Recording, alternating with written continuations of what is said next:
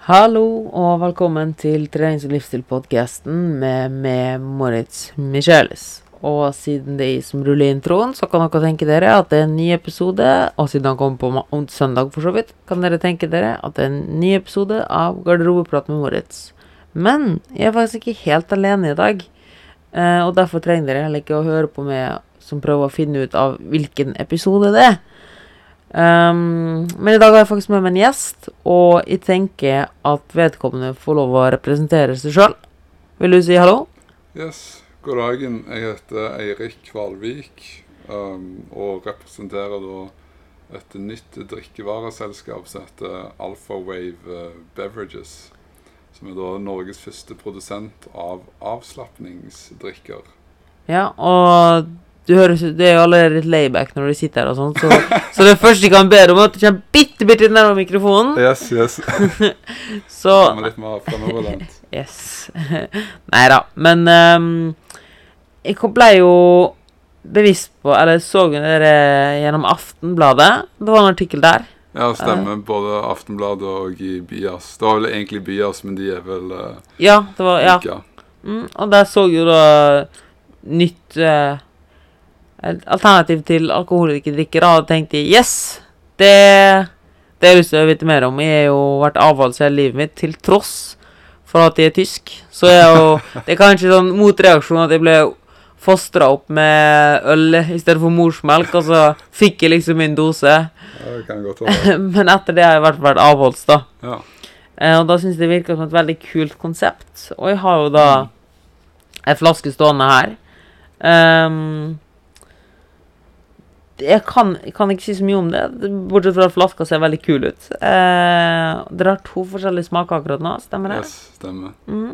Vil du bare fortelle litt først om konseptet, og så kan vi ta litt om det som person etterpå? Mm. Mm, og så du kan starte fra starten av. Hvor var det det starta, det hele? Og ideen og Ja. Skal jeg starte med det, da, kanskje? Ja. Ja.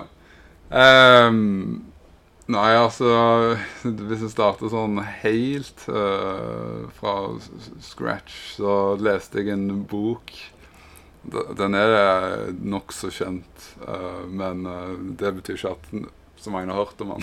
altså, kjent for eh, visse eh, Ja. At det er Four Hour Work Week av eh, Tim Ferris. Jeg har hørt om han. Ja. Jeg har ikke lest den. Så så den, den boken er jo litt Altså Det høres jo litt sånn teit ut, eh, liksom Four Hour Work Week.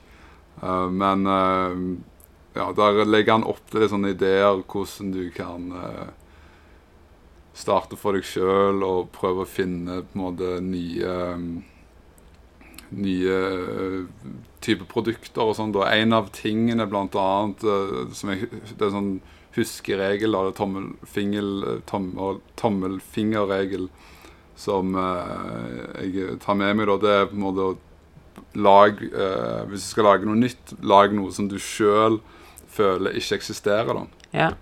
Så istedenfor å tenke at nå skal du bli rik og finne en forretningsidé, så, så liksom OK, hva, hvor er det på en måte du føler at eh, her er det noe eh, som mangler, da. Mm. Um, så eh, Så da fikk Da begynte jeg liksom tenk, ha litt den tankegangen, da. Og eh, ja, la merke til f.eks. når jeg gikk inn i sånne butikker, eller generelt, da, at brus det, er, mm, det er ganske sånn standard. Altså Mm. det er og Hvis du går innom statistikken, så, så er Pepsi Altså Pepsi-drinken og Cola-drinken de selv, Det er sånn 80-90% av markedet. ja. Uh, og det er bare noen drinker, liksom. Og så er det jo Pepsi og Cola, de står jo bak ja. altså, Alt. alt. nesten. Så er det sånn 90 Ny konkurrent, og så eh, Nei, det er jo mange som tror for eksempel at Fanta er en konkurrent til Ja. Cola. Sånn, bra. Nei, så det, så det er liksom eh, De, de styrer eh, så å si alt eh, sånn eh, sodavann, da. Mm. Eh, Så da tenkte jeg eh, Og, og hver gang det kommer noe innovasjon, så, så kjøper jo bare de eh, opp de innovative produktene. Og så kan de jo egentlig, hvis de har lyst Altså, ja, De kan jo på en måte kvele litt innovasjonen òg, for de så tjener de kanskje mer å bare fortsette å selge Cola og Pepsi. Mm. Nå har ikke jeg noe imot Cola og Pepsi, men jeg så iallfall at det var ikke så mye innovasjon der. Og så, eh, og så ble jeg litt sånn interessert i Nå blander jeg sikkert litt sånn kronologisk rekkefølge her, men eh, soda, vann eh, Det kaller jo soft drink Ja. på eh, engelsk. Mm. Eh, og grunnen til at dette er soft drinks, er fordi at det faktisk var en sånn motreaksjon til at hard liquor Ja. eh, ble ulovliggjort eh, under den eh, altså 1920-tallene. Det var den andre Big the Great Depression, da. ja, da alkohol ble ulovlig en liten Ja. periode. Uh, så, eh, så da ble det ulovlig, så da begynte folk å, å ty mye mer til eh, sodavann, da, eller Mm. softdrinks. Uh, og det som er interessant, var at du hadde ikke sånn uh, eh, bottling altså Nå sier jeg mye engelsk. Uh, Ja, men det går helt fint. ja, bottling techniques, altså hva, hva kaller du det på norsk? Altså type du, du, var van, du hadde ikke noe sånn fabrikker til å liksom putte Putte drikken, eh, brusen, i glass. Mm. Eh, så eh, de som faktisk starta med eh, brus, det var eh, apoteker. Ja. Og de eh, ja, drev jo på med litt av hvert. Eh, Så Ja, det var, det, det var jo ikke noe sånn medisinell eh, vitenskap nødvendigvis på den tida, men eh, de, folk var ganske sånn eksplorative, så eh, Og prøvde å finne ut eh, hva som kunne hjelpe på ulike ting. og eh, Ja, så for eksempel Coca-Cola var jo var jo eh, tilsatt kokain, da. Kokainblader og, eh, som var henta fra Sør-Amerika, og kokanøtt Ja. fra Afrika.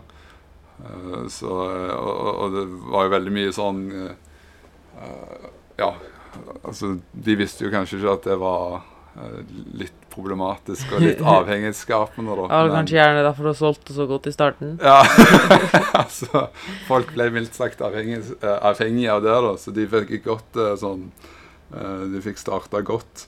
Men eh, jeg synes det var interessant at veldig mye av drikkene da var på en måte hadde en slags eh, funksjonell eh, verdi. Eh, Mm. så, det, så det eh, fascinerte meg litt. Mm. Jeg tror at det er også mye av grunnen til at folk liksom Det er jo noen som sverger til sukkerholdig brus Mm. versus sukkerfri brus, Ja. eh, og sier at det smaker annerledes. Ja, ja. Jeg tror ikke det er så mye det det handler om. Jeg tror det er responsen på sukker. Ehm, å få liksom denne hypen og liksom kjenne at liksom blodsukkeret går opp, og få litt rush av det, da. Ja.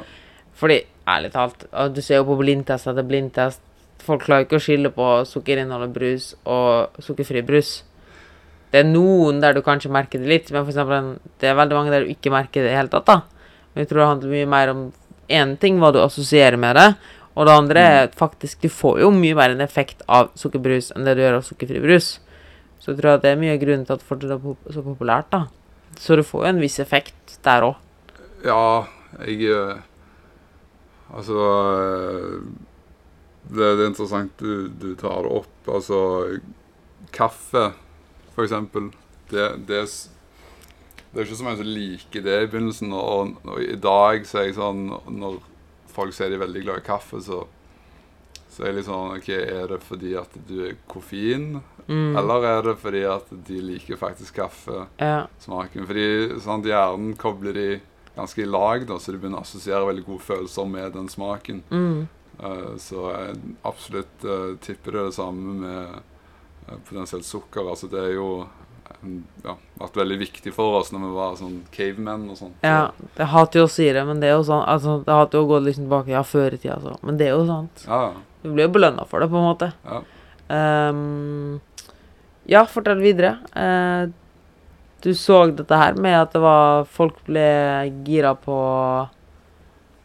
å ha en effekt av drikke, skulle jeg si. ja, så så jeg på en måte at eh, i dag så var på en måte ikke brus så funksjonelt, men jeg så jo at energidrikker hadde jo tatt helt av. mm.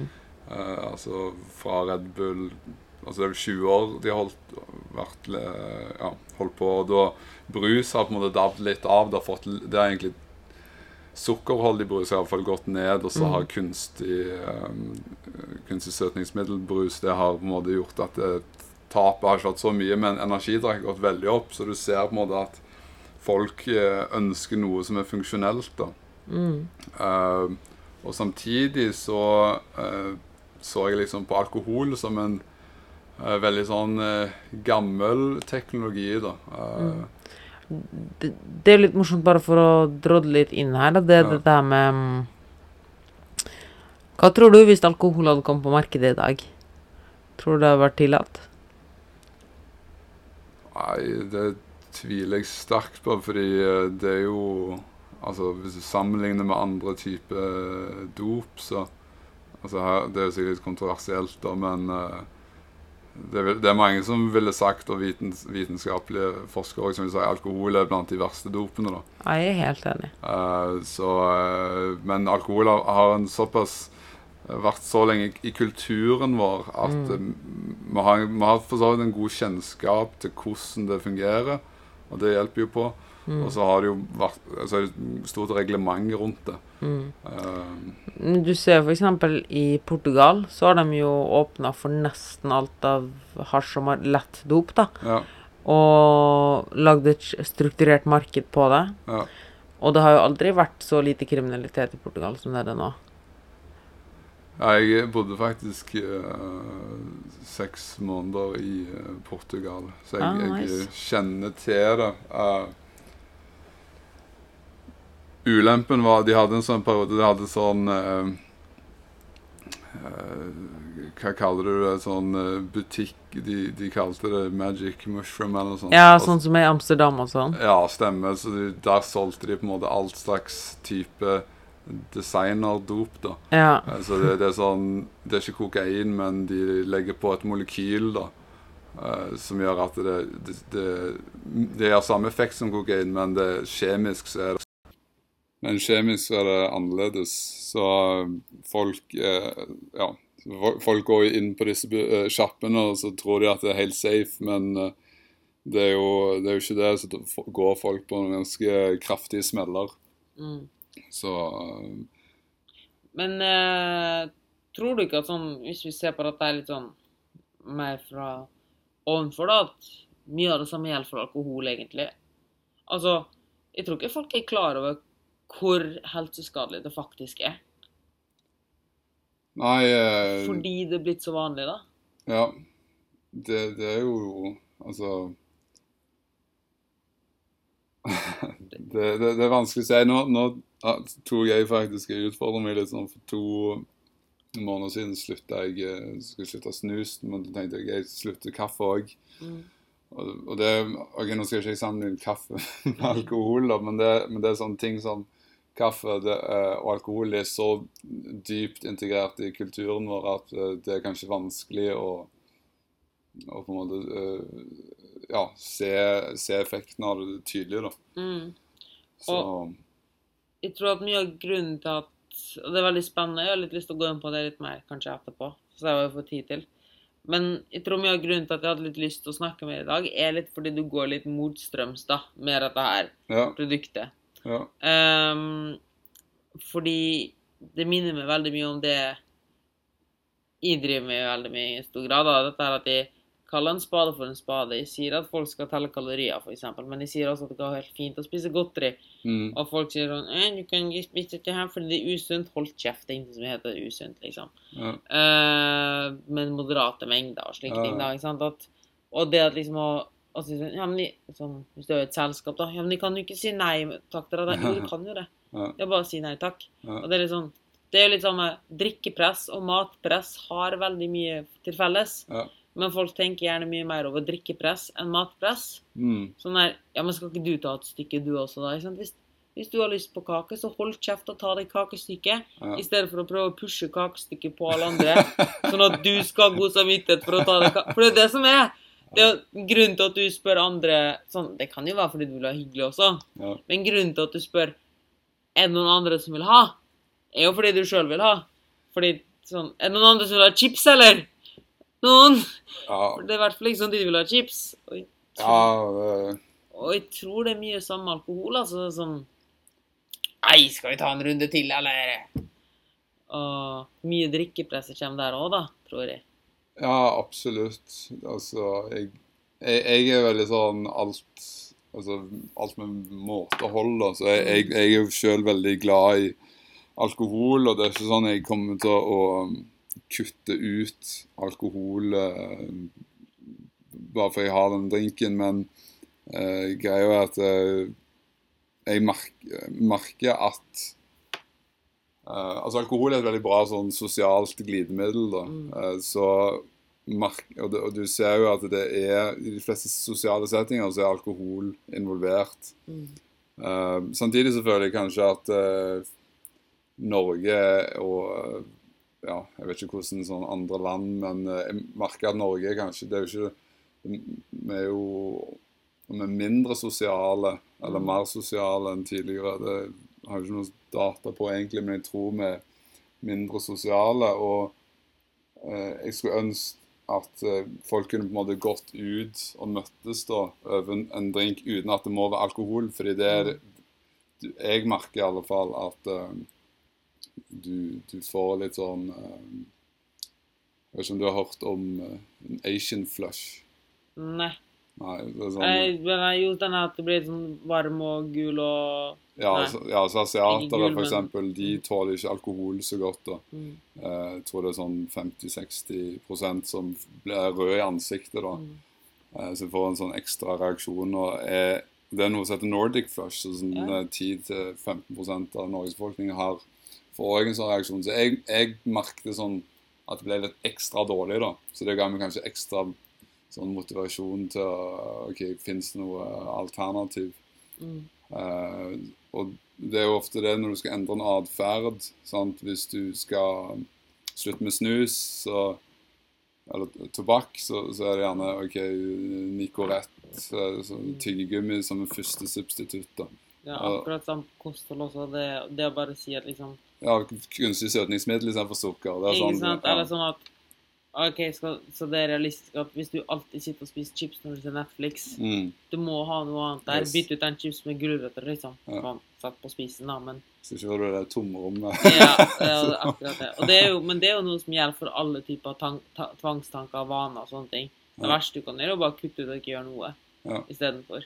Eh, Sitte jo og møte veggen, skulle jeg si. Ja, ja, ja. Nei, så eh, Da var det sånn OK, da kom jeg over denne eh, aminosyren, da, som er ganske eh, interessant. Egentlig ble jeg litt sånn uh, overrasket over at den var såpass lite kjent, da, fordi uh, en av uh, hovedplantene den kommer fra, eh, den aminosyren, det er jo teplanten. Og te er jo en av verdens mest konsumerte drikkevarer. Eh, Så hvis du sammenligner te med kaffe, så merker du jo at eh, kaffe kan gi deg en litt sånn der eh, nervøs eh, Altså ja. Kribling, kribling. ja. Mm. Eh, mens te så føler du ofte at det er litt mer sånn Avslappende. ja, avslappende. Samtidig som du er våken, da, egentlig. Mm. Eh, Men ofte så tenker jo folk at te ikke har koffein og drikker det før de legger seg. Mm. Eh, Men grunnen til at T te faktisk er litt mer sånn ikke så, Gir ikke den edgy feelingen, da. Det er eh, fordi at den har denne aminosyren L-ternin. Mm. Eh, og så jeg ble bevisst over den, Da tenkte jeg det, eh, den har faktisk bevist å skape sånn beroligende alfabølger i hjernen. tenkte jeg. Det er Mm. egentlig et sånn perfekt eh, substitutt til alkohol da, når du vil på en måte slappe av uh, uten å ty til Mm. ja. For det er et argument som veldig mange bruker for alkohol, er jo det at ja, det løsner jo opp stemningen. mm, Så det var gjerne det du prøvde å oppnå litt. Yes. Mm. Um, har du Men hvordan gikk du da fram? At liksom at ja, dette det er så mye trenger i og inn i en drink for at det skal ha effekt og slike ting. og Drev dere med noen studier på det, eller bare prøvde dere ut? Eller hvordan hele utviklingsprosessen? Hvordan gikk videre der?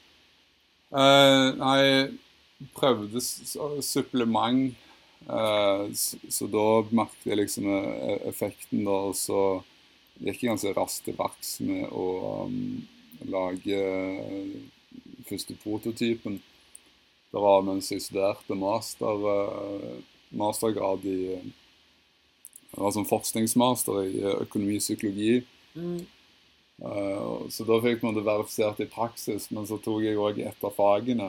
Uh, så skrev jeg en sånn litteraturstudie, så da gikk jeg gjennom på en måte forskningen bak det Ja. i tillegg. Uh, så da fikk jeg på en måte verifisert det fra um, ulike hold. Um, ja, så det var på en måte den funksjonelle delen av det, og hvordan jeg uh, kom fram til det. Uh, Mm. Når var dette her sånn tidsperspektiv? Altså Eh, det var mens jeg skrev første masteroppgaven. Så det var første master så i 2000 og eh, skal vi se, 2016, sånn på våren. mm. Det var sånn sent om kvelden. Og Ja, mye, sikkert mye koffein, tipper jeg. så kom det inn en sånn, eh, sånn idé, da. Ja, måte det motsatte av energidrink. det er kult. Og når var første gangen dere lanserte produktet? Altså, produktet ble lansert eh, i Kom første gang i butikker i eh, begynnelsen av mars, slutten av februar. Ja, så det Sånn som jeg forsto det nå, så blir det faktisk solgt i Stavanger nå. Ja, i 22 butikker. På diverse Meny og Yes, Hel eh, ja, Helge Meny og Coop-kjeden. Mm. Og eh, så har du Gulating og Åland 1889. Og, og direkte på Jåttåvåg også. Yes, stemmer. Ja. Så det er jo Jåttå gårdsbryggeri som produserer produs... Altså, de, de har Det er jo der vi på en måte produserer det. Mm. Ehm, Hvordan ser du potensialet til dette her, da? Tenker du at uh, Fordi vi vil jo se litt på dette her som et godt alternativ til alkohol Mm. i sånne settinger. Ja.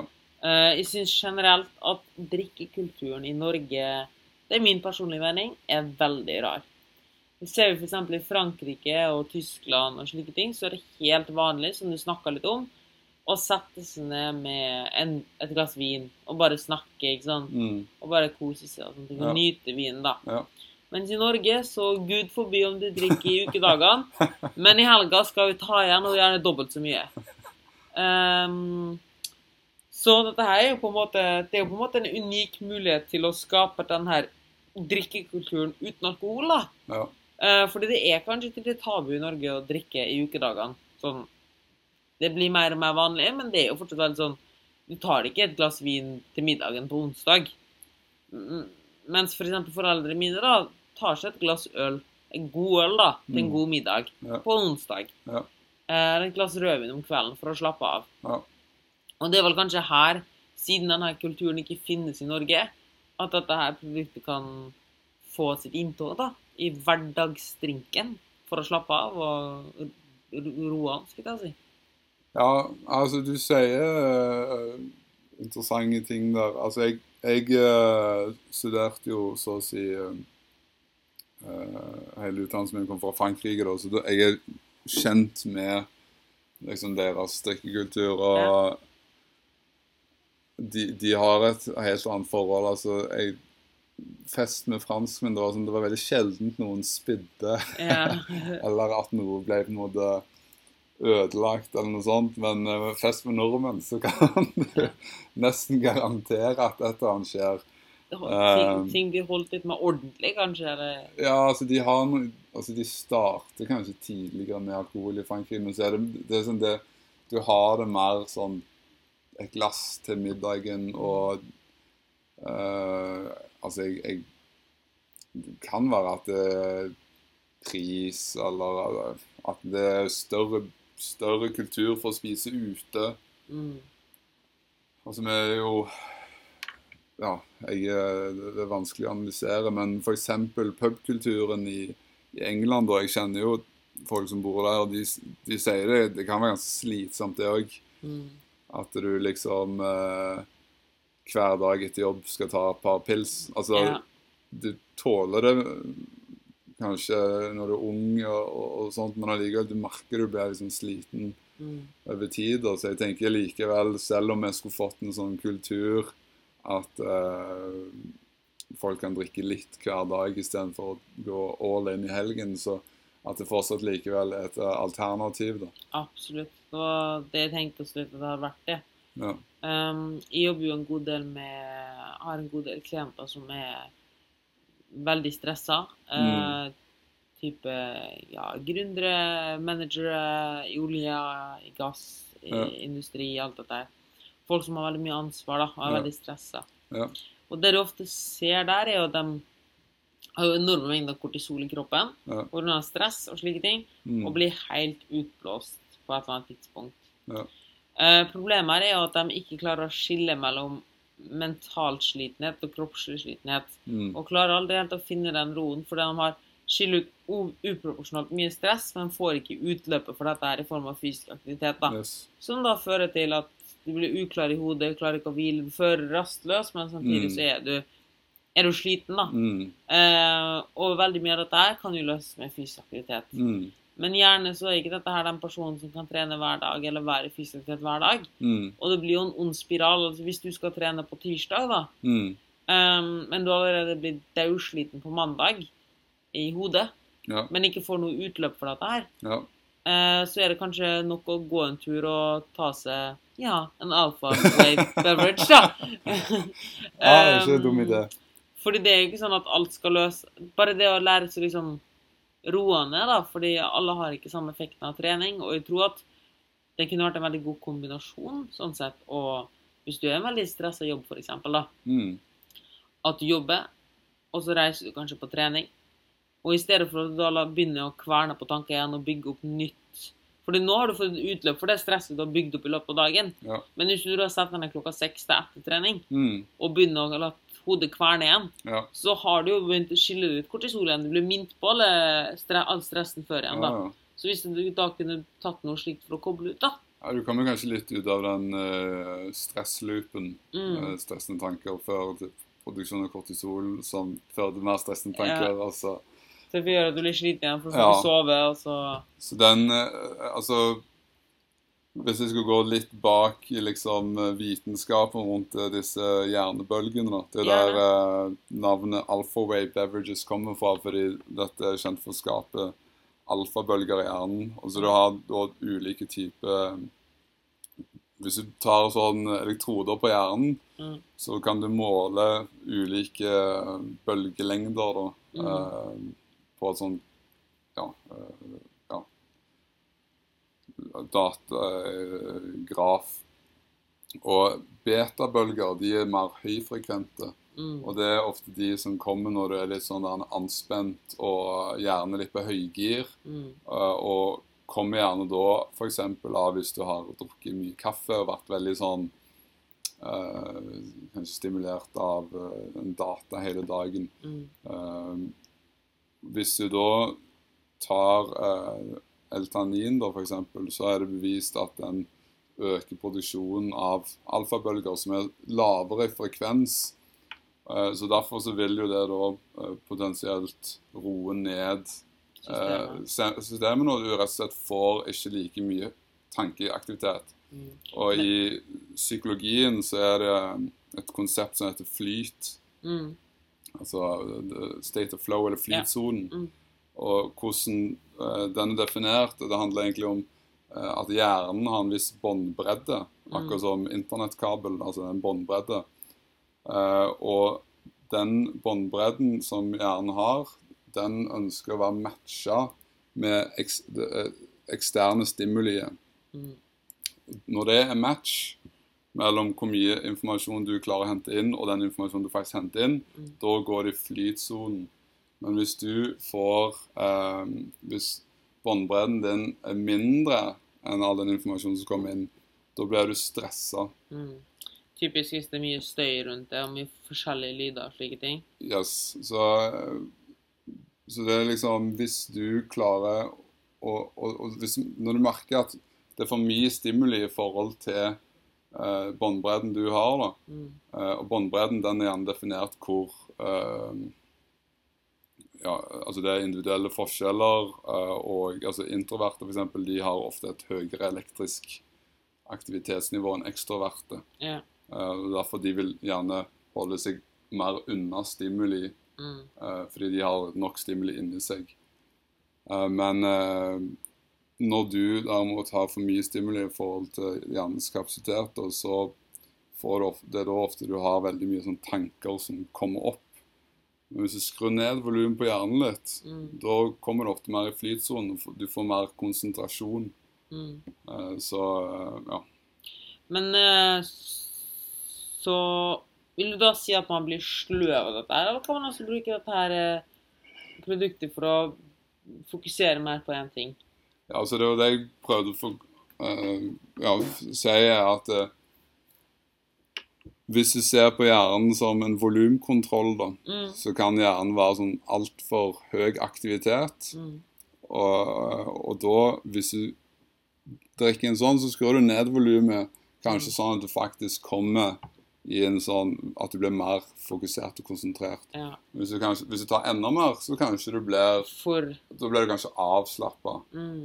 Eh. Så hvis du er veldig eh, sant? Så du må finne en balanse, da. Sant? Ja. Du drikker kanskje ikke fire sånne hvis du, hvis du allerede er trøtt Ja, og har så, sovet lite dagen før. så det blir liksom akkurat motpolen til koffein, da, på en måte. Yes. Tar du litt koffein, så blir du sharp. Ja. Tar du for mye koffein, så blir du bare ukonsentrert og Yes. ufokusert. Yes. Yes, så det er på en måte I teorien så kan du ta en kopp kaffe, og så tar du en alfa beverage, alpha beverage etterpå, så kan vi igjen ha sånn satt på spissen, da. Ja, ja, men det er jo det te gjør, eksempel. Ja. Altså, det, da har du mindre teanin enn det er en sånn, da. Men Mm. eh, der er det jo en kombinasjon av koffein og, og, og teanin. Det gjør gjerne at du holder ut lenger. Du får ikke den samme krasjen, da. Mm. Du får en litt mer Hjernen er ikke sånn går Altså, etter du drikker kaffe, så er det kanskje du er helt der oppe, sant? Mm. Og du har masse ideer og alt sånt, og så krasjer du etter Mm. noen timer. Men, og så må du ta en ny en, og så får du den berg-og-dal-banen som ikke er så bra. Mm. Det som er best, er på en måte at du har litt mer stabilt energinivå som varer lenger. Jeg har jo akkurat det samme som jeg anbefaler folk når det kommer til kosthold. Ja, Eh, Det er litt morsomt å snevre litt inne her òg, Ja. på en måte hele veien. Og det er jo at jeg er jo fryktelig imot dette her med mellommåltid og småmåltid. mm. Fordi det som skjer med blodsukkeret ditt da, er at når folk føler seg sultne, eller føler noe for cravings, Ja. så gjør det at det er et sånt dropp i blodsukkeret. Ja. Og da vil de da gjerne ty til noe nytt som får en ny high. Ja. Hvis du da istedenfor Og da vil du alltid opp og ned, opp og ned, og du Mm. vil gå og føle matfysen og litt småfysen hele veien. Mm. Ja, du er opp og nikker, du er sharp, men det går Mm. veldig fort ned igjen. Ja. Fordi det vi registrerer, er ikke hvor lavt eller hvor høyt blodsukkeret er. Det vi registrerer, er den der forandringa i Mm. blodsukker. Mm. Det er derfor det også er for ikke noe problem veldig, for veldig mange etter hvert å gå uten frokost. Fordi du går, står opp med faste blodsukker, Mm. og det holder seg ganske, langt, ganske lenge. Ja. Går sakte, men sikkert nedover. Mm. Og da rundt, som regel for folk i ett-to-tida, så har det gått såpass lavt det blodsukkeret. Det varierer litt hva du gjør, selvfølgelig. Mm. Men da har det gått såpass lavt i blodsukkeret, da Da har vi fått en stor nok liksom forandring i blodsukkeret til at vi kjenner nå er sulten. Ja. Um, mens hvis du starter frokosten med frokost, med frokostblanding, da cereals eksempel, Ja, rent sukker Ja. um, Ikke det at sukker er farlig, men da får du en sånn enorm spike i blodsukkeret. Og derfor blir du sulten igjen klokka Hvis du spiser den klokka syv, så jeg kan garantere deg at du er sulten igjen klokka ni. ja. Um, Da, går da har du starta med den Der loopen der du hele tiden har lyst på noe sånn hver andre time. Fader, nå har jeg lyst på noe Yes, og det er litt det samme når folk sier sånn Jeg er ikke så glad i frokost, men jeg spiser bare et eple. Ja. Sånn, ja, du skyter sjøl i foten, for da hadde du starta den. Det er et eple, det er frukt, og sunt er jo godt. Frukt er jo bra, men det er jo også mye sukker Altså, det er jo sukker i frukt òg. Ja. Og du får en spike i blodsukkeret der òg. Så hvis folk skal spise frokost, da, for eksempel, så anbefaler jeg dem da skal de i hvert fall spise en ordentlig frokost. En god substans som gjør at du får en gradvis økning i blodsukkeret, Ja. og at den holder seg ganske lenge da og går sakte nedover. Mm. Og det er gjerne litt det samme med, med koffein, da, kanskje. At du i stedet for at du tar en liten espresso Jeg vet ikke helt hvordan det heter, men at du kanskje da heller tar litt Jeg eh, hadde en Jeg vet ikke om du har hørt om bulletproof coffee? Ja, dessverre. Jeg syns det smaker godt, da, men Ja, ja, eh, men det er jo rent fett. Altså fra min side, om vi skal gå ned vektmessig, da, eller liksom kalorimessig, da. Så det er det verste du kan gjøre. Å ha så mye fett i. Altså det er jo rent smør eller fett. dem, dempe mat uh, Dempe sulten Altså, Vet du hva noe som demper sulten? Og det å spise et måltid. For det er sånn kaffe har fort 700-800 kalorier hvis du meier på der. Ja, så, så mye smør, smør og okay. koksolje tar jeg ikke oppi, men, eh, Men før du går frem, da, Ja. det som er tingen her, det jeg tror du vil frem til, det er at fett reduserer fordel Altså det øker fordøyelsestiden. Så det jeg kan tenke meg at det gjør, at det eh, gjør at opptaket av koffein går litt saktere. Yes, exactly. Så det er vel gjerne det du vil frem til. Ja, så da får du eh, litt sånn som når du spiser uh, slow carb, fullkorn, Ja. whatever, uh, så så får du ikke den spiken på samme måte. Det har jeg faktisk aldri tenkt over før. så, mm, det kan, det kan kanskje vare, vare lenger i blodbanen, men i alle fall så, så holder den koffeinen mye lenger. Ja. eh, og du får ikke Ja, fordi det, det blir blanda med fettet, da. Så Det har jeg faktisk aldri tenkt over. Det var før du sa det nå, jeg reflekterte over det. Men om hvor mye snakker vi da? Hvor mye fett er det må man bruke da? Nei, eh, jeg tar en teskje sånn smør. Nå bruker jeg sånn usalta, hvis jeg finner det, da. eh, Mm. Rørosmør. Mm. Jeg syns det er ganske greit. Og så tar jeg noe sånn kokosolje, Mm. og så tar du miksmaster. Det er jo litt, litt tiltak, men uh, det Ja, det funker veldig bra for meg. Men du gjør det for koffeineffekten? Altså for å få den lengre koffeineffekten? Yes. Mm. Så det- ja, det, det var det jeg gjorde mest nå. Men nå, nå har jeg jo gått uten koffein en periode, da. Så. Ja. Åssen var det? Vil du fortelle litt om det? Hvordan har det opplevdes? Eh, nei, det var ganske kjipt. De første tre ukene. Og men vi går litt sånn eh, tilbake til det du nevnte, da, fordi um, uh, Før så pleide jeg alltid å bli trøtt. Jeg, jeg pleide som jeg aldri å ha frokost. da. Jeg pleide å ha en, en kaffe, en sånn bulletproof som regel. Mm. Og så pleide jeg å ha lunsj. Um, nå har det ikke vært så mye lunsj på kontor for å ha mye hjemmearbeid, da. Eh, men eh, Eller hjemmekontor. Men eh, jeg pleide å bli trøtt da, etter å spise lunsj, og da var det som regel at du tar, en kaffe da, Mm. for å våkne. Så jeg prøvde å finne ut løsning på det. Det var egentlig eh, sånn Ja, enten så spis, spis et veldig sånn lett måltid. Eh, som er kanskje litt vanskelig av og til, fordi da er ganske sulten så da har lyst til å spise mye. Mm. Uh, gjerne sånn salat funka bra. Hvis ikke så prøvde jeg faktisk å, å faste, da. Og da fikk jeg en sånn Jeg vet ikke om det var en slags sånn uh, jaktmodus eller hva, men eh, det føltes ut som jeg gikk på koffein uten at jeg gikk på koffein. Jeg ble veldig våken av det. Mm. Så eh, Men ja, jeg merket tipper at når du spiser noe med mye karbohydrater, så øker det insulinnivået Mm. som da tar alt blodsukkeret inn i musklene, og så mister du energien. Akkurat der og da så gjør det nok fort en Det spørs veldig hva du har spist før og slike ting, og folk øh, varierer. Ja. Responderer veldig forskjellig, da. Ja. Uh, men generelt så når du skinner ut insulin, da, så får du en sånn her rest and digest-modus, da, ikke sant? Ja. Som du snakka om. det. Mm. Du har Generelt så har du har sikkert lest om det, eller studert litt rundt det, men du har jo to nervesys- to states da i nervesystemet, og det er det parasympatiske og det sympatiske. Mm.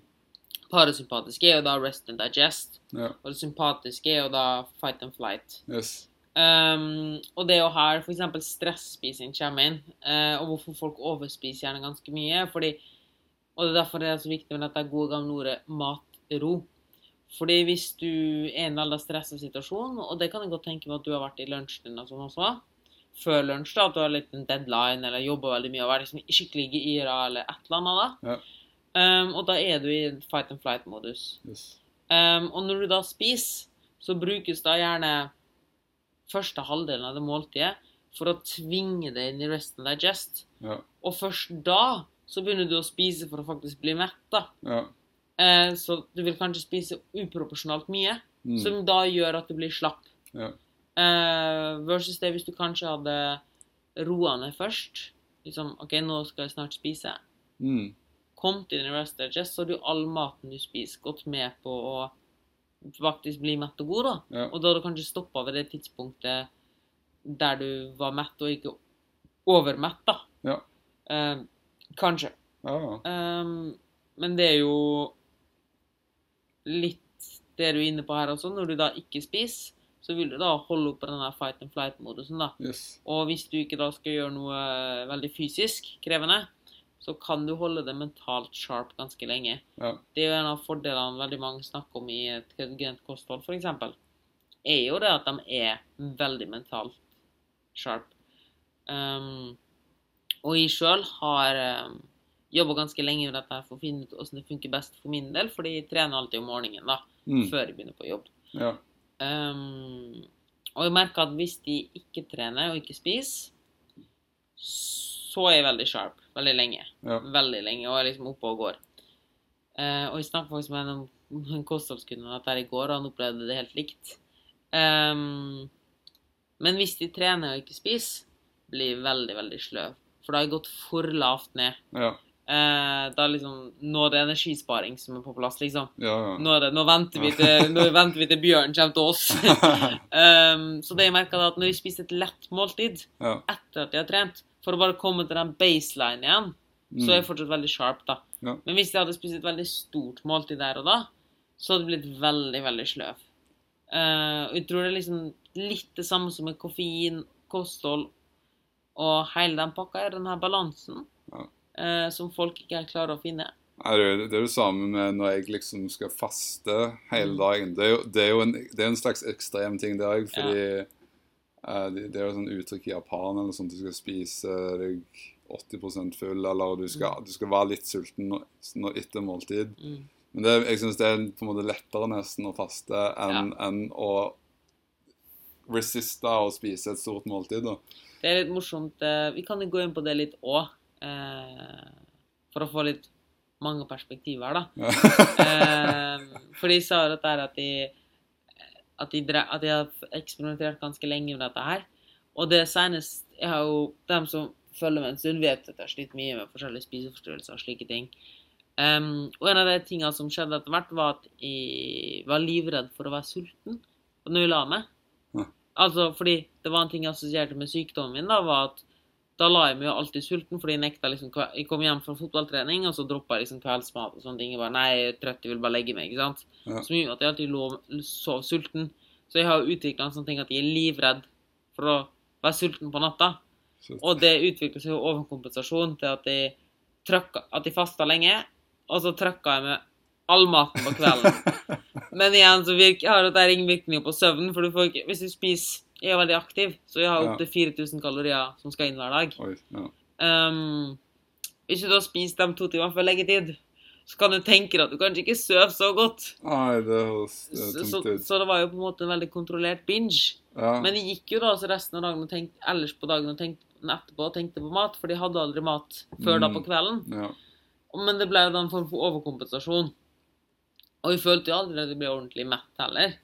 Fordi jeg gikk så lenge uten mat. Du klarer jo ikke altså, skal ganske mye til å spise 4000 kalorier på ett måltid. da, det Gjør du ikke det? ikke. Så fint, så skal jeg si det. Ok. Uh, du blir overraska hvor mye man venner seg til.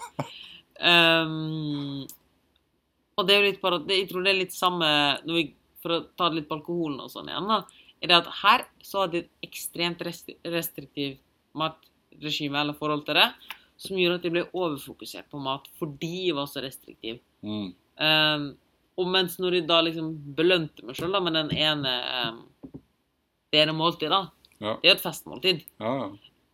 så var ikke det nok. På en måte, for, for Det sto ikke i relasjon til hvor lenge jeg hadde gått uten, da, hvis du skjønner. ja. Jo, arbeidet jeg la inn jeg følte liksom, De veide ikke opp for hverandre, da. Nei. Og jeg tror at her er mye av det samme forholdet generelt med folk som sliter mye med kjempestreng med maten i ukedagene, og så går de på en smell i helga, er jo samme greia, ikke sant? Ja. Og så straffer de seg sjøl igjen, så overkompensasjon, og så bla, bla. Ja. Tror det er mye samme med alkohol òg, i Norge, og derfor tror jeg også det er mye med disse her helgefyllene og sånn, da. Som Ja. du ikke har da, som f.eks. når du studerte i Frankrike, da. Mm. Fordi du har konstant litt tilgang på det, og kan liksom ta det når du vil, da. Og da har du ikke dette her enorme behovet heller. Nei. Eh, og det er jo skummelt, fordi som sagt så fant jeg da ut at løsninga for meg var å nettopp spise frokost etter trening. Ja. Og, men det var jo skummelt, for jeg tenkte ja, men hvis de nå spiser frokost, og så får den samme overkompensasjonen på kvelden, Mm. så har de jo per definisjon spist altfor mye. Hvis de da skal spise vanlig pluss den bingen på kvelden. Ja. Men det som skjer, er jo allerede på første dag så merka jeg jeg har ikke lyst. Nei. Fordi jeg hadde jo gått og spist helt jevnt gjennom dagen. Ja. Altså med frokost og sånn lunsj og sånn kveldsmat. da. Mm. Eh, og det gjorde at det er liksom det å bryte det tankemønsteret, da. Ja. Um, nå mister jeg helt hvor vi starta fra her. Men det var vel Du drev og snakka om faste, og så pitcha jeg inn. Og så prøvde jeg egentlig å komme inn på at det er vel litt det samme med alkoholen. Ja, altså, vi kan jo Altså, alkohol eh, Altså, jeg er ikke noe ekspert på alkohol, men uh, Altså, mekanismen uh, Jeg skal ikke at L-ternin m- om alkohol, men begge påvirker det Altså, du har to nevrotransmittere i hjernen, da. Mm. En som heter GABA, som skrur ned volumet i hjernen, gjør det mer avslappa. En heter glutamat, som skrur opp volumet i hjernen. Mm. Og alkohol eh, påvirker jo begge de to, så eh, blant annet Ja, altså det, gjør å slappe av. Mm. Og det som kan skje når du eh, drikker alkohol, det er at eh, du blir avslappet en periode, Mm. men så, men så får du en sånn eh, motreaksjon, da. Og det er ofte derfor eh, blant annet at du kan våkne opp sånn midt på natten etter å ha drukket, fordi da plutselig er alkoholet ute av, og da er det plutselig hjernen din aktiv igjen, da. Mm. Eh, så, og, og hvis du da eksempel eh, eh, og, og da kan du føle deg egentlig mer stressa. Fordi Mm. da, da er hjernen plutselig gått et nivå der den er enda mer aktiv enn normalt. Er det det folk, folk snakker om som fylleangst? Ja, det, det jeg tror Fylleangst er en kombinasjon av at du sikkert eh, Du husker kanskje ikke helt hva du har gjort, så det er noe usikkerhet rundt eh, det. Og så har du kanskje gjort noe dumt òg. men så tror jeg òg det har det med at eh, hjernen din er faktisk i en mer sånn engstelig stadie. Fordi eh, hjernen har på en måte kompensert med at det har vært så avslappa Mm. at uh, nevrotransmitteren har gjort hjernen ekstra eh, aktiv. Da. Mm. Eh, og da kan gjerne tanker spinne litt, og du eh, Ja. Ja, fordi den har prøvd å kompensere til å komme til et vanlig, vanlig nivå igjen. Er det litt Eh. sånn eh, koffein Altså, vet du hvordan koffein fungerer? Ikke helt. Eller litt, men eh, ikke Kan gjerne drodle litt rundt det. Ja, jeg håper ikke folk faller helt av når vi går inn i sånn nevrovitenskap og sånn, men eh, basically adenosin det er en sånn nevrotransmitter eh, i eh, hjernen som holder deg våken. Mm. Så når den er løst inn i hjernen, eh, så eh, føler du deg våken. Mm. Eh, Og så når du eh, begynner å nærme deg kvelden, så, bind, så binder disse eh, ne- eh, adenosinreseptorene seg til noen sånn, la oss si, kaller de nøkkelhull. da. Så de passer inn i disse nøkkelhullene. Parkeringsplasser, kanskje. Ja, parkeringsplasser. Mm. Og når de da parkerer for kvelden, så føler du deg trøtt, og da er du klar for å legge deg. Så det som skjer med koffein, er at eh, koffein har en molekylær struktur som er veldig lik adenosin. Mm. Så det gjør at når adenosin skal parkere for kvelden, så har, nei, så har koffein allerede tatt alle parkeringsplassene. Ja. Og da, da er jo bare adenosin eh, Da flyter adenosin videre, og da føler de våken. Så hva er løsningen da for hjernen? Hjernen legger ut eh, sånn eh, Så prøvde jeg å finne et ord eh, Sånn Sende ut arbeidere for å bygge flere parkeringsplasser. ja. Så da Enda mer potensial til å slappe av, på en måte. Ja, sånn at adenosin faktisk finner plasser til å slappe av. Så det er derfor du må ta drikke mer og mer kaffe Mm. lenger du holder på, fordi hjernen har bygd mer og mer reseptorer, eller nøkkelhull, eller parkeringsplasser. Så når du da plutselig slutter med koffein, så har du jo tusenvis av parkeringsplasser, men eh, du har jo ikke koffeinet som dekker det opp. Mm. Og så da da kan alle disse her eh, adenosinene parkere. Yes, Der du da, vanligvis ville ha to-tre stykker igjen. yes, så da blir du veld, da blir du veldig trøtt. da. Ja. Og det er litt det samme med alkohol, da. Ja. Eh, at du eh, Hvis du hele tiden har alkohol igjen, så, så har du disse avslapningsparkeringsplassene. Det blir bygd flere, og da er det sånn Når du ikke har alkohol, så er du eh, plutselig for eh, Da kan du bli for uh, engstelig, da. ja. Som for uh, høyt aktivitetsnivå. Mm. Så det er litt det samme Det er derfor folk blir så nervøse og redde når de uten alkohol for en periode. Altså. Ja, blant annet. Mm. Så det er alkoholikere, det tipper jeg det er liksom Ja, så Ja. Jeg skjønner hva du mener. Er veldig engstelig, da. I hvert fall Ja. fordi de har uproporsjonale Yes. Forhold mellom biler og parkeringsplasser, for å si det enkelt. Ja, så blir det jo verre dess lenger du, du, du holder på. Sånn, hvis du har eh, Hvis du kjører heftig fyller, liksom altså Kanskje du tåler det noen helger på rad, men hvis du gjør det liksom over en lengre periode, så blir det jo så får jo gjerne aldri tid til å balansere seg igjen. Mm. Og så hvis du gjerne begynner å drikke i ukedagene også, så blir det bare verre å fortsette å Jeg vet ikke hva Jeg tror det har vært noe forskning som sier at det er bedre å drikke litt hver dag enn å binge, men hvis du drikker litt hver dag og binge, Ja. så, så er det obvious at det ikke mm. er bedre. Men um, hvis vi skal snevre det litt inn på den drikka her igjen Og Ja. det er jo litt sånn Nå er vi veldig mye frem og tilbake, men jeg likte litt den viben, fordi det passer egentlig veldig bra, tror jeg, for eh, ja, hele konseptet, egentlig. Ehm, men hovedpoenget vårt er jo egentlig å snakke om dette her, Alphawave Beverages, og litt om uh, konseptet bak, tankene bak, filosofien, og Ja, tror vi har snakka ganske mye om det, og vært mye inne på forskjellige ting. ja.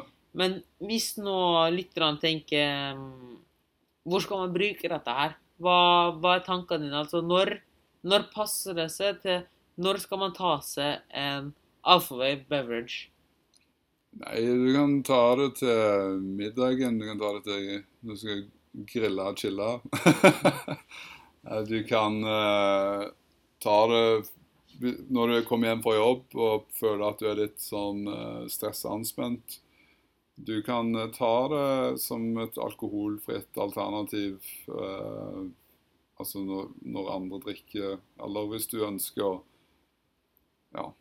Så det som er typisk også for eh, Som har vært typisk for brus og gjerne alkoholfrihet, er at det, det er ganske sånn enkle smaker. da, Så jeg ønsket å ha noe som var stimulerende. Mm. Så det er en del sånn kompleksitet òg i det.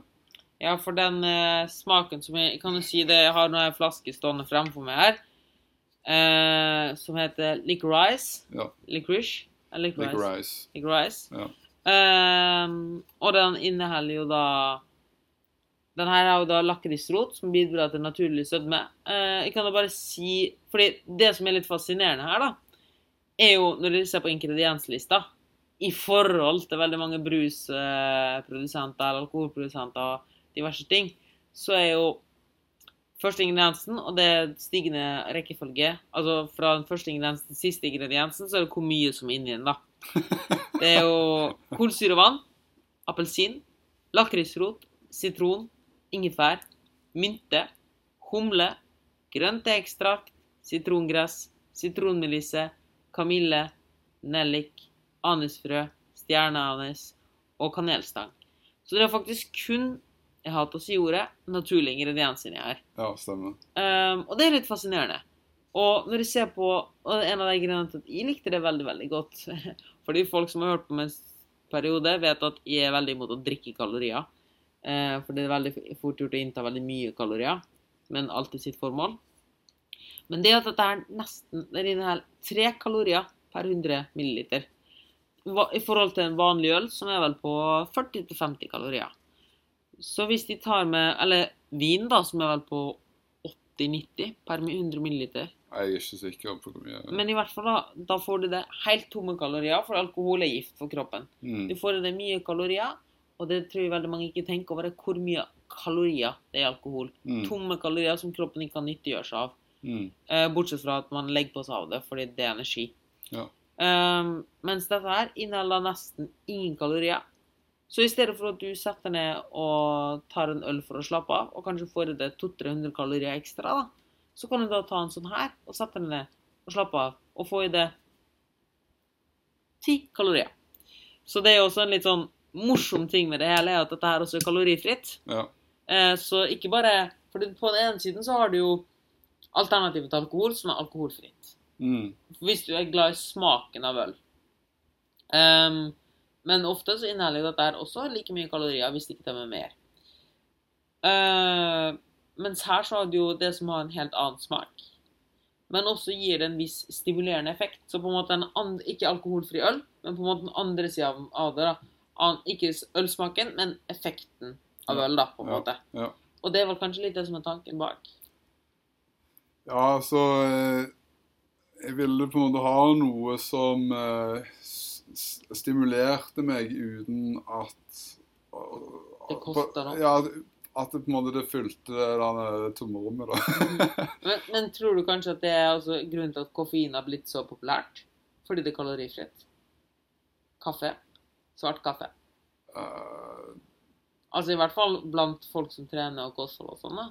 Det er et, det er noe med smak, det har effekt, og det er kalorifritt. ja, altså Definitivt så tror jeg det er en appell eh, blant snus òg. Mm. At eh, du liksom kan fylle tomrom. Uh, Tyggis. tyggis, søtning, kunstig søtningsmidler. Du kan liksom fylle tomrom da uten å tenke at du får i deg kalorier. Vi er jo ganske bevisst på det.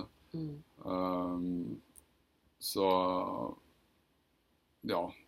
Så vet jeg ikke hvordan folk faktisk ender opp med å spise i løpet av dagen. Altså, jeg tror jo at koffein eh, Det kan jo fort få deg kanskje til å spise mer potensielt òg, men eh, ja. Er, jeg tror absolutt det har en appell, ja. Mm. Åssen er det med tanke på um, Vil du ha brukt noe sånn her også hvis du kan konsentrere deg? Eller? Ja, jeg, som jeg sa, altså hvis du har drukket koffi, for mye koffein, så føler du deg sånn agitated, og da går tankene litt all over the place. Mm. Uh, da for å faktisk fokusere på noe, så ville jeg tatt uh, sånn, da. Mm. Så hvis du eksempel er Eller hvis du er oppe i hundre og helvete og blir veldig stressa og skal fokusere på en arbeidsoppgave og føler litt sånn opp og klarer liksom ikke å få tankene ned, da, Ja. så kan det være veldig gunstig å ta en slik en. Ja, altså de har faktisk gjort noen studier på det. Koffein eh, liksom øker effektiviteten på enkle oppgaver. Så Mm. hvis du f.eks. driver jobber på en industri og liksom skal ta to deler sammen Løfte tunge vekter. ja, løfte, løfte tunge vekter f.eks., så, så, eh, så kan det faktisk eh, øke produktiviteten, for da er det veldig simpelt. Mm. Men det som er, hvis du øker kompleksiteten litt på oppgavene, da koffein gjør deg verre, fordi du klarer ikke å liksom fokusere. da. Ja. Så kanskje veldig for folk som jobber kreativt, skal du skrive en artikkel, sånne ting, da. Ja. Der du kanskje ellers hadde tydd enda en kopp kaffe klokka fem på ettermiddagen, da, eller Mm. klokken, klokken tre og slike ting. Ja. Det må egentlig være et perfekt eh, Kontorlokale må være et perfekt marked for sånne her, da. ja, egentlig. Eh, fordi det er jo gjerne to, tre, fire timer, at folk tar den siste kaffekoppen på jobben. Ja. Men det de ikke tenker over, er at den har halveringstid Mm. på åtte timer, er det det? Koffeinen? ja, det varierer individuelt, men fra de, de som multipliserer raskest, tror jeg sånn tre-fire timer mest, på meste. De som multipliserer tregest, tolv timer. Ja, så dere har jo fortsatt en haug med koffein i blodet når du da skal legge det på kvelden. Ja. Eh, så kanskje i stedet for at du tar enda en kopp kaffe, da, så kanskje etter lunsj så begynner man kun å drikke sånne her istedenfor å ta kaffe. da. Hadde jo vært et alternativ. Ja, For ja, eksempel. absolutt. Så jeg ser jo absolutt et stort potensial for Satser på at folk ikke fikk med seg der. Jeg ble ringt midt i recordingen. Det har vært, Hvis dere hørte fra starten av, så har det vært mm, litt trøbbel med recordinga hele veien. Men eh, nå er vi i hvert fall på den igjen. Faen, altså. Men eh, det jeg skulle si, er jo det har enormt potensial. Ehm, har dere merka noe til salget nå? Har det gått mye oppover og slike ting? Eller har det tatt av? Ja, altså det var jo Vi gikk jo litt on undercover uh, når vi gikk i mars. Altså, vi, men etter det byoppslaget så har folk vist interesse. Vi har solgt ganske bra Mm. i, i uh, de butikkene vi har vært i. Så nå lager vi eh, en holdt holder på å lage en tredje versjon, en med pasjonsfrykt Og så vi har litt mer sødme, da. For vi ser jo at eh, det, det kan være litt, litt for idealistisk å på en måte ikke ha verken søt, uh, kunstige søtningsmidler eller sukker. For Ja. det, det er liksom Folk er for, fortsatt uh, den, den, den cavemannen Ja. er, er, er fortsatt den sterkeste. Mm. Eh, Så, eh, så folk eh, er glad i når det er liksom det har sødme, da. Ja. Eller kalorier i seg. For så vidt. Jeg glemmer veldig til å prøve. Jeg fikk jo, Du kom inn hit med et helt brett. Ehm, så vi skal i hvert fall prøve. Og det er en god del av kollegaene mine og kunder som har sagt at de er veldig ivrige på å prøve. Ja, kult. Um, hva ligger det på sånn prismessig? Ligger det, konkurrerer det med vanlig alkohol og brus og slike ting? For en flaske? Ja, altså det varierer Utsalgsprisen varierer fra sånn Hvor du kjøper? Ja, fra 31 kroner til 36. Ja, så det er jo som en vanlig brusflaske, egentlig, da. Ja, Litt det- mer. Ja, litt mer. Ølflaske blir det vel egentlig. Så en, Ja. mm, Det spørs òg på hva øl, men ja. ja. Litt sånn mellom. ting. Ja, men uh, Kult. Uh, er det noe mer du vil si Vi har jo vært all over the place, som sagt. Hele tidens uh, mest eh, Skulle trodd at vi hadde drukket en god del sånn her før vi starta, begge to. men eh, du sa jo det før du kom inn, at du var litt, hadde vært en dagen i dag hadde gått i ett. og så sleit vi litt med opptaket og Nei, jeg, sa, jeg advarte ja, på forkant at uh, det kan fort gå all over the place. Ja. vi, vi begynte å snakke litt i forkant, og da var det sånn helt andre temaer. Bare sånn. Vi var rett inn på, var rett inn på ketose og fasting og snakka om spiseforstyrrelser og Nei, det var Jeg syns det er kult, og jeg tror det viser veldig godt Jeg tror på en viss måte at det representerer også veldig godt hva dette merket skal stå for. At tenke litt alternativt, være noe nyskapende og skape rom for liksom å la tankene fly litt, da, skulle jeg si, og få til noe annet, i hvert fall. Ja. Eh, jeg kan godt forestille meg at det blir mitt valg hvis jeg skal ut på byen en gang. En grunn er jo fordi jeg avholds. Ja. Um, men jeg føler jo ofte at Nei, jeg tar et glass med vann. Det er litt teit, det òg. Vil jo gjerne være med på ting, det også. Ref det vi snakka om med drikkepress og sånne ting. og det er å eh, ha det der som et alternativ, tror jeg er veldig bra. Og så tror jeg ikke minst at dette her har mangla litt, med tanke på at ja, vi har noe for å få oss uh, Vi har noe som kan få oss til å være aktiv, til å liksom trigge oss til å bli gira og hype. Det har jo koffein. Mm, Uh, men vi vet alle hva som skjer hvis vi tar for mye koffein. mm, Uh, og, men vi har ingenting for å slappe av ordentlig. Ja, alle har sine mestringsstrategier og slike ting, men alle har jo også strategier for å, Noen har gode mest strategier for å for få energi òg, da. ja. Uh, mens den enkle løsninga er jo bare å ha et go to-ting. Mm, Uh, og jeg tenker at hvis man er veldig mye stressa, eller hvis man merker at man er litt sånn høye skuldre og slike ting, så er det ikke alle som klarer å sette seg ned og smelle på fem minutter med mindfulness eller et eller annet sånt. Det, det er ikke realistisk. Vi mennesker vil ha det enkelt og greit. ja. Og jeg tror at et slikt produkt er hånd i hanske for det. Ja. Noen avslut- ja. Har du noen eh, avsluttende ord, noe du vil pitche? Hvor kan folk finne det og alfa Ja, vi som på, Dere må gjerne følge oss på Instagram. Da heter vi AWBEV. Mm. AVBEV. Eh, Skal linke til det i shownotes. ja, OK. Flott. Så vi følger oss gjerne på sosiale medier. Og eh, ja, vi, vi har på nettsida vår så har du en sånn uh, where to buy, da. Uh, så vi er 22 butikker for uh, øyeblikket. Så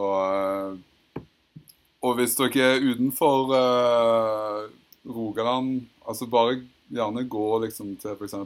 Gulating eller butikk og spør om de har det, eller send oss en melding hvis dere ønsker at vi skal sende til et sted der du bor. Så, det, så kan vi òg sende direkte til dere hvis, hvis det er ønskelig. Så ja. Gjelder det også utstillingssted. Hvis noen har en liten kafé eller Ja, bar. ja, ja Så altså, vi har ikke begynt egentlig med å gå til barer og restauranter. Det har vært litt vanskelig nå med covid, men mm eh, det er jo òg absolutt et bra sted og, og ja, potensielt utsalgssted. Du kan jo eventuelt høre med mm, broren min, LD Art House i Ålesund. Ja. Det er jo litt sånn er jo egentlig et mediebyrå, men de har en kafé også, så da har du kanskje et utsalgssted i Sunnmøre òg. Ah, kult. Eh, det er jo en sånn snikreklame til alle som hører på, så sjekk ut firmaet til broren min. LD Studios. Nei da. Men uh, da har jeg egentlig bare én ting til å si, og det er Folkens, gå ut der. Test ut Alphawave Beverages. I overbevist om at dette her kan Dette her har stort potensial. Jeg glemmer veldig til å prøve. Jeg skal ta noen, i hvert fall én eller to litt senere i dag. Um, og det eneste som står igjen da, er gå og ha en awesome uke. Tudelu!